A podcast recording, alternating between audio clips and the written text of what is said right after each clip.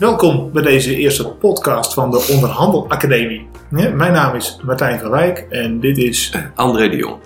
En wij zijn in het dagelijks leven heel druk bezig met de Onderhandel Academie. En wat doen we dan eigenlijk? Nou, dat zullen we zo vertellen. Maar waarom deze podcast? André, misschien wil jij eens vertellen waarom we deze podcast uh, hebben bedacht. Nou, we willen graag mensen meenemen in hoe wij aankijken tegen onderhandelingen. En met name onderhandelingen in de zorg. Met, uh, mensen kunnen meenemen in onze missie om uh, de zorg wat beter te maken. Om te zorgen, door te zorgen dat de onderhandelingen die plaatsvinden in die zorg beter verlopen. Anders verlopen. Waarbij het belang van de patiënt meer voorop gaat komen te staan. En iedereen wel met meer bevrediging uit deze onderhandelingen stapt. Precies. Nou, ik denk dat je daar absoluut gelijk hebt, André. Uh, we doen dit nu al een aantal jaren. En wat wij hebben gezien. Uh, ik kom zelf bij een zorgverzekeraar vandaan. Ik ja. heb jaren bij VGZ uh, gewerkt. En met heel veel plezier. alleen wat mij toen opviel is eigenlijk de reden geweest waarom we de Onderhandelacademie hebben opgestart. Ja. En dat we eigenlijk, als wij Nederland gezonder en beter willen maken, dan is het goed dat we wat meer balans krijgen tussen goede afspraken bij inkopers en verkopers. Ja. En waar moet je dan heel praktisch aan denken? Als we allebei, zowel een verzekeraar als een zorgaanbieder, voldoende comfort ervaren bij de afspraken die die maakt, maken wij met z'n allen Nederland een beetje gezonder. Ja. ja. En dat is wat we doen. Het heeft concreet invloed op de wachtlijst en op de afspraken die gemaakt worden. Dus dat is, uh, dat is helemaal waar. Ja. En, en daarom dachten wij, we gaan dit uh, in het verlengde van de Onderhandelacademie, gaan wij een podcast maken. Ja. Voor ons ja. helemaal nieuw. Ja. Misschien moeten we iets, iets over onszelf vertellen. Ja. ja, en, ja, precies. En dan ook wat het doel is van sowieso wat we in het dagelijks leven doen. Mm -hmm. Met de Onderhandelacademie. En waarom deze podcast daarin zo belangrijk is. Ja. Nou, waarom ben je dit gestart? Nou, Um, in 2000, eigenlijk in 2014, hè, ik werkte jaren bij VGZ, mm -hmm. heb ik een situatie meegemaakt waarvan ik dacht, ja, uh, uh, hier wordt eigenlijk niemand blij van. Nee, ik had gewoon een heel mooi voorstel neergelegd bij een zorgaanbieder, uh, die daar ook mee akkoord ging, waarvan ik achteraf dacht van, ja, maar weet je, dit is eigenlijk voor niemand goed. Ik moet zo'n partij uh, blijven volgen en iedere keer als er een verzekerde komt, een cliënt, uh, wordt, wordt zo'n zo'n zorgaanbieder geconfronteerd met, met een contract waar hij ooit ja tegen heeft gezegd, maar nooit met volle overtuiging. Ja. Uh, dus het kan nooit goede zorg zijn, denk nee. ik dan maar heel simpel. Ja. En toen ben ik mijn andere bedrijf begonnen, hè, waarbij ik zorgaanbieders ondersteun in hun contractonderhandelingen. Ja. En dat levert heel praktisch op dat we voor heel veel uh, uh, aanbieders mooie afspraken kunnen maken. Waar zowel een verzekeraar of een gemeente of de aanbieder zelf comfort bij voelt. Ja. Ja. En als jij comfortabele afspraken maakt, dan kun je ze met volle overtuiging naleven. En dan kun je gewoon de goede dingen op de juiste manier doen. Ja. Uiteindelijk is dat wat we met z'n allen willen. Goede zorg voor normale prijzen. Ja, ja. Nou ja, ik werd in de tijd wel gegrepen door jouw enthousiasme om dit uh, op te starten. En uh, we zagen ook bijna wel de kansen om um, onderhandeltraining op een andere manier te gaan geven als dat het nu gebruikelijk is. Uh, nou, uh, mijn expertise ligt in de, in de non-verbale communicatie en in de haptonomie. En daar ja. kennen wij elkaar ook van ja, via, de, via, de, via de opleiding. En ja, en onderhandelen is bij uitstek een situatie waar de, de, de druk nogal eens uh, oploopt en de belangen hoog zijn. En daar speelt het belang van, uh, van je eigen lichaamstaal en, en, de non-verbale communicatie van de anderen een hele grote rol. En uh, ja, dat is een prachtige invalshoek om te reflecteren op je eigen stijl, op je eigen effectiviteit in die onderhandelingen. Met als grote voordeel dat je dat in het hier en nu kunt ervaren en kunt bijstellen. Maar heel vaak is het zo dat je in onderhandelingen achteraf hebt. Zo van, joh, ik had eigenlijk meer dit moeten doen, dat moeten doen. Je kunt het goed voorbereiden.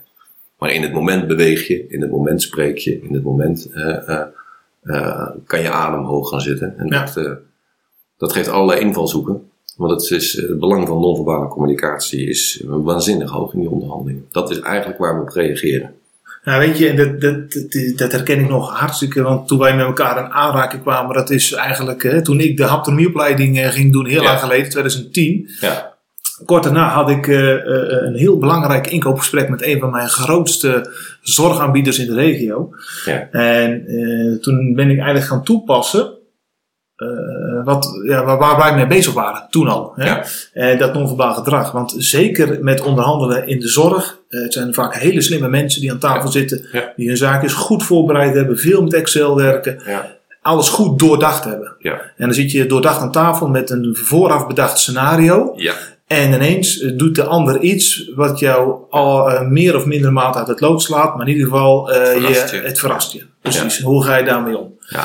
En wat we toen gedaan hebben, is veel meer bewust gebruik gemaakt van mijn eigen non-verbale eigenlijk uh, gedragspatronen. Ja. Ook van die ander. Ja. En, en, na, en, en, nadat we de onderhandeling hebben afgesloten, had ik een evaluatie met uh, die controller van die zorgaanbieder. En die zei: Martijn, ik weet niet wat er gebeurd is. maar we lagen aan het begin zo ver van elkaar vandaan. Dat zou nooit goed zijn gekomen. En ik heb nog nooit zo'n lekkere onderhandeling gehad. Ja. Wat we allebei ja gewoon een goed, een goed gevoel over hebben gehouden. En dat was voor mij de, de, de, reden dat ik van, wauw, oké, als we dit breder neer kunnen zetten, ja, wat je dan kunnen we echt iets toevoegen met z'n allen. Ja. Ja. Maar dat vraagt wel wat. Ja. Nou ja, het is opvallend hoeveel onderhandelaars in de zorg gewoon inderdaad gewoon heel goed voorbereid zijn, heel deskundig zijn, weten waar ze het over hebben. En dat is heel belangrijk in onderhandelingen, dat je gewoon goed de inhoud beheerst. Maar ja, eh, je kunt erover twisten of de inhoud of de vorm belangrijker is.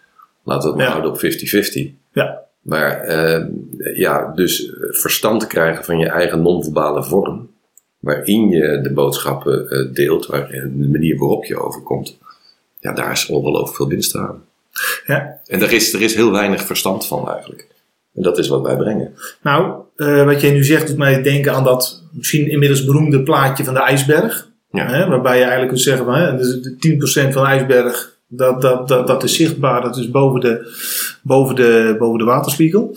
Uh, maar de methode en technieken van onderhandelen, dat is het te zien. Ja. Maar wat ja. echt zorgt dat die ja. ijsberg de goede kant op gaat, is die 90% wat eronder zit. Het non-verbaal repertoire, waar wij eh, ons op richten, dat is onderkant de ijsberg. Ja.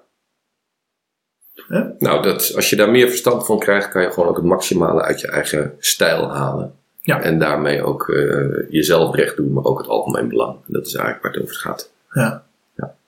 Weet je, en, en als je dit zo zegt, hè, uh, afgelopen week hebben we in het uh, nieuws een paar elementen gezien. Ja. die mij dan iedere keer weer triggeren. Wat is daar gebeurd? Hè, zo hebben wij ehm, bijvoorbeeld gezien dat de grootste GGZ-aanbieder van Nederland, Panassia, die heeft afgelopen jaar voor het eerst in zijn bestaan verlies geleden.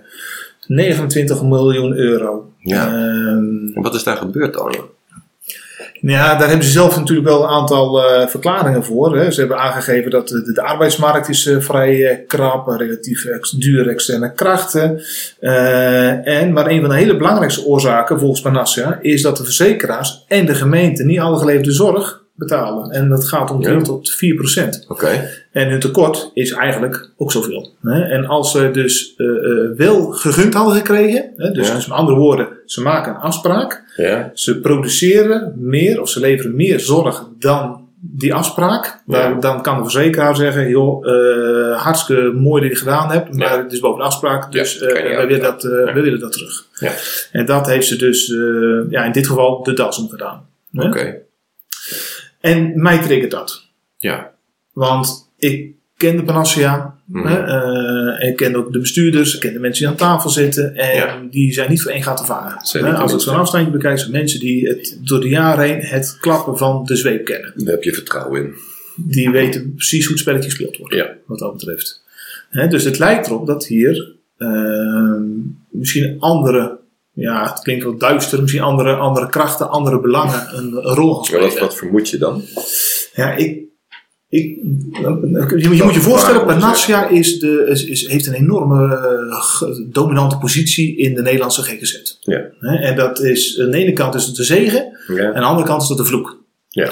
En degene ja, die het een zegen ervaart of vloek ervaart, die zitten meestal aan de, aan de andere kant van de tafel. Ja. Hè? Maar als ze zo groot zijn, zijn ze ook een, Precies. partij om rekening mee te houden. Juist, absoluut. Ja.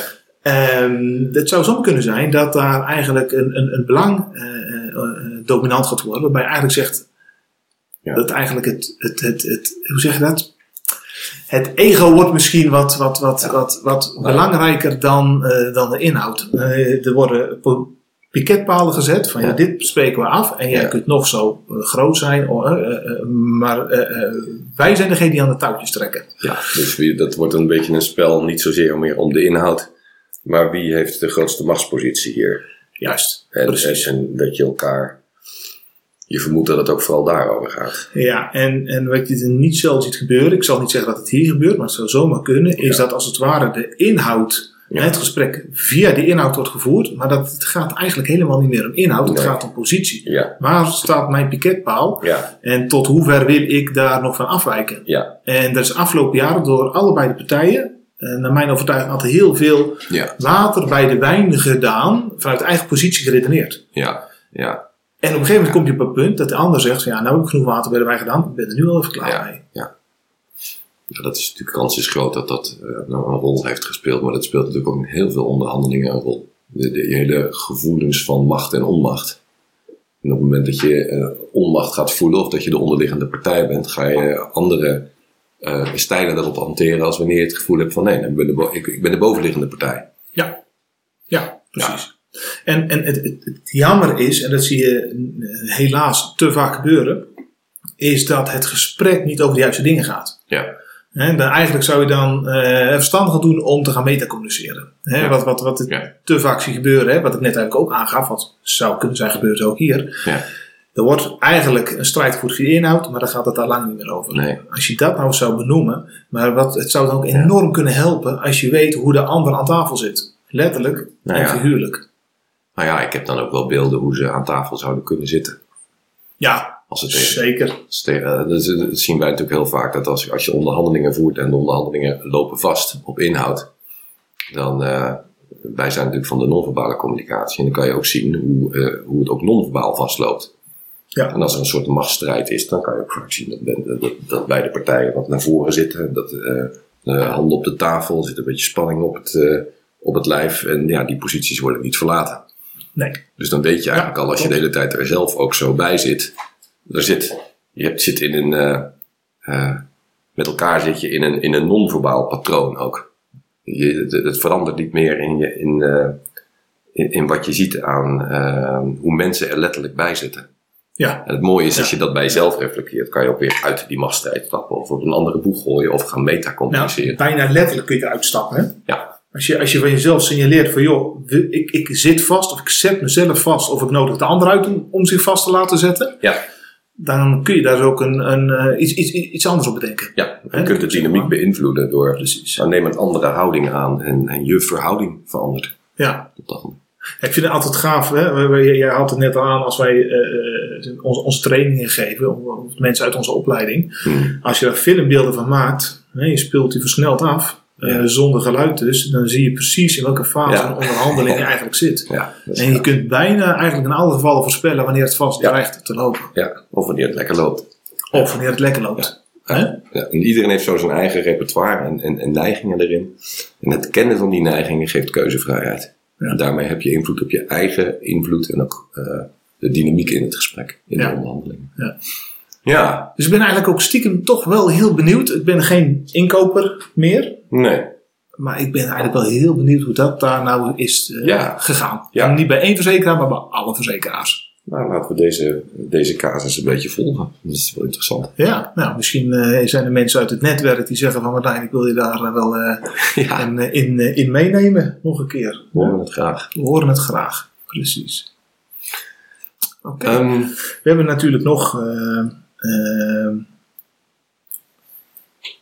eh, eh, Nou, we zouden nog iets doen. Ehm, eh, onderhandelingen. eh, We, zitten natuurlijk verschillende rubrieken te bedenken, ook met deze eerste podcast. En we hadden zelf- een, een ru- een rubriek bedacht van eh, uit het leven gegrepen. ja, zeker. Ja. En ehm, onderhandelen is natuurlijk iets wat je lijkt te doen op het moment dat er wordt besloten we gaan onderhandelen. Terwijl je natuurlijk ook een onderhandeling hebt als je met z'n tweeën door een deur wil lopen. Dan wie gaat er eerst? Wie gaat er voor? Je onderhandelt in de rij bij de appie. Eh, er zijn constant onderhandelingsmomenten. En het is heel geinig, vinden wij altijd, om die te gaan herkennen. En een van die eh, onderhandelingsmomenten eh, heb ik zelf een paar keer eh, herkend. Dat is als je in de auto zit en ehm, je rijdt de snelweg op, dan worden wij geacht in te voegen.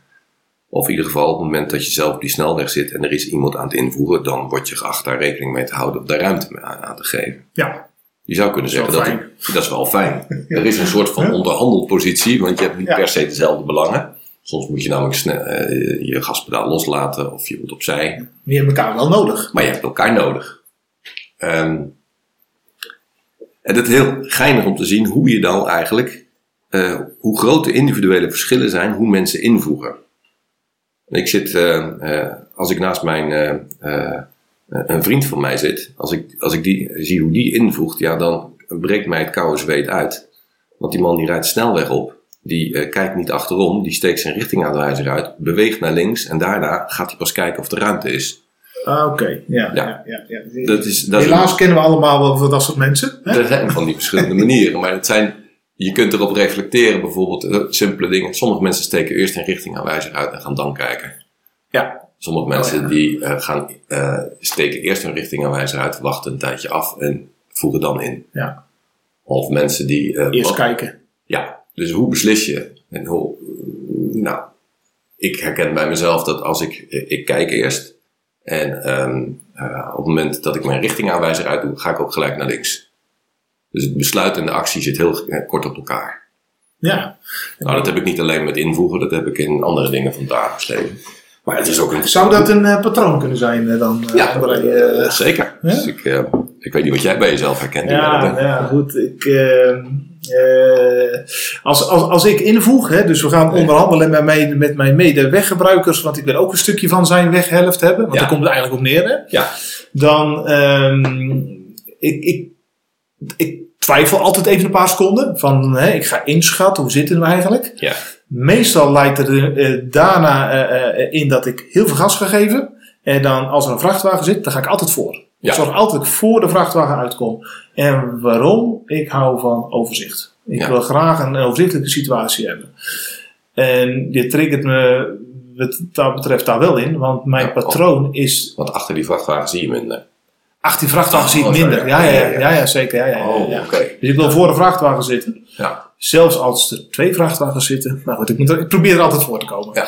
In ieder geval, eh, ik herken het wel. Hè. Ik, ik kom wat later op gang, om zo Ja. maar te zeggen. Ik, ik ben eerst even het weekend aan het wegen. Ja, en uiteindelijk... Dan, dan maak ik een keuze, dan ga ik heel hard. Ja, En dan zorg ik dat ik in die situatie kom ja. dat ik weer overzicht heb. Ah ja, ah, ja. ja, ja. Nou, ja, het is- Neem niet weg dat het soms ook tot gevaarlijke situaties kan leiden. Ja. Als ik eh, naast mij een weggebruiker heb die, die misschien dan toch een hele andere, eh, zeg maar, ander patroon daar, eh, daarin heeft. ja, die hetzelfde heeft, die ook snelheid gaat maken op het moment dat jij Precies, snelheid maakt. juist, inderdaad. Dat heb ik dus twee weken geleden gehad. En Oh, oh. dat was, Dan kan je botsen. ja, dat scheelde over twee seconden. Ja, Oké. ja, ja. Ja. dus dat, dat leidt niet wel toe dat mijn hartslag gedurende 10 minuten op 120 zat. van de adrenaline. Nee, maar dat zie je natuurlijk ook terug in onderhandeling. Als je mensen hebt, twee mensen met ongeveer dezelfde stijl, kan dat gaan botsen. En dan is het, eh, als je dan niet wil botsen, moet je op een andere, eh, andere strategie overgaan. Ja. Of nog meer gas geven, of gas loslaten. Ja. En dan een beetje Ja, meer afwachten. Ja, nou ja, weet je wat, wat de, de parallel die ik dan herken? Als je tegenover iemand zit onderhandelen met een vergelijkbare stijl, dan is de kans op escalatie redelijk aanwezig. Ja, gaat een keer verkeerd. Gaat een keer verkeerd. En eh, de parallel is dat ik dan ook na zo'n overleg minstens 10 minuten met een hartslag van 120 zit. ja. Ja. Ja, en, dan, de en, en, en, als je niet uitkijkt, heb je dan het gevoel van ja, we hebben heel hard zitten werken. ja. Met z'n allen, maar we hebben nog steeds niks bereikt. Nee. Nee. Ja, nou, dat, is, dat is misschien precies de aan, aan, de aan, eh, eh, het aangrijpingspunt van wat wij Ja. doen, wat we doen. Ja. Toch? Ja. Ja, en een andere hele leuke reflectie kan zijn als je invoert op zo'n eh, strook en het wordt wat spannend. Wat, wat, wat voel je? Hoe ga je zitten in je, in je stoel? Je hebt van die mensen die komen ook los van hun rugleuning en gaat nog verder achterom kijken. Die bewegingen worden steeds heftiger en steeds groter. En dan voegen ze in. Je hebt ook mensen die gaan steeds minder bewegen, gaan steeds minder kijken. Die worden strakker. Die worden steeds strakker. Ja. Dus je hebt allerlei verschillende vormen Ja. en, en, en, en stijlen erin. Dus eh, nou, wellicht zit je nu in de auto als je deze podcast eh, luistert en eh, ben je aan het invoegen. Ja. Reflecteer eens op jezelf. Hoe doe je dat eigenlijk? ja. En, en, en vooral laat het ons weten. ja, Eigenlijk. ja, dat vinden we leuk. Hè? Dus Ja. dat, dat, dat, dat kan via onze Twitter-account, het Onderhandelacademie. Hè, dus dat, laat het weten. Of misschien heb je een vraag. Eh, twitter het en we nemen hem eh, zeker, eh, zeker mee. Misschien wel een verzoeknummertje dat je zegt: hoe, bekijken jullie, hoe kijken jullie hiernaar? Heel Ja. graag en dat gaan we zeker doen. Ja, ik vind het erg leuk als jullie met suggesties komen van onderwerpen die wij zouden kunnen behandelen. En dan, dan hebben we het daar graag over. En reageer vooral. Ja. Wat dat betreft. Ja. Oké, Hoe kunnen ze reageren? Hoe kunnen ze reageren? Ja, via, via Twitter of je, je mag ook heel ouderwets een mailtje sturen. Kan altijd. Nee, en dat kan ook, eh, maar liefst nog via Twitter. Oké, nou, volgens mij André, ik denk Dat was onze eerste eerste podcast. podcast. Eh, vind je het leuk? Eh, abonneer je vooral. En dan zullen wij je zeker over een paar weken weer verblijden, althans dat hopen we, met een nieuwe podcast over een, actuele, een actueel onderwerp en een andere, nog wat jij net aangaf, uit het leven gegrepen. Absoluut. Tot, Tot de ziens. volgende keer. Tot ziens.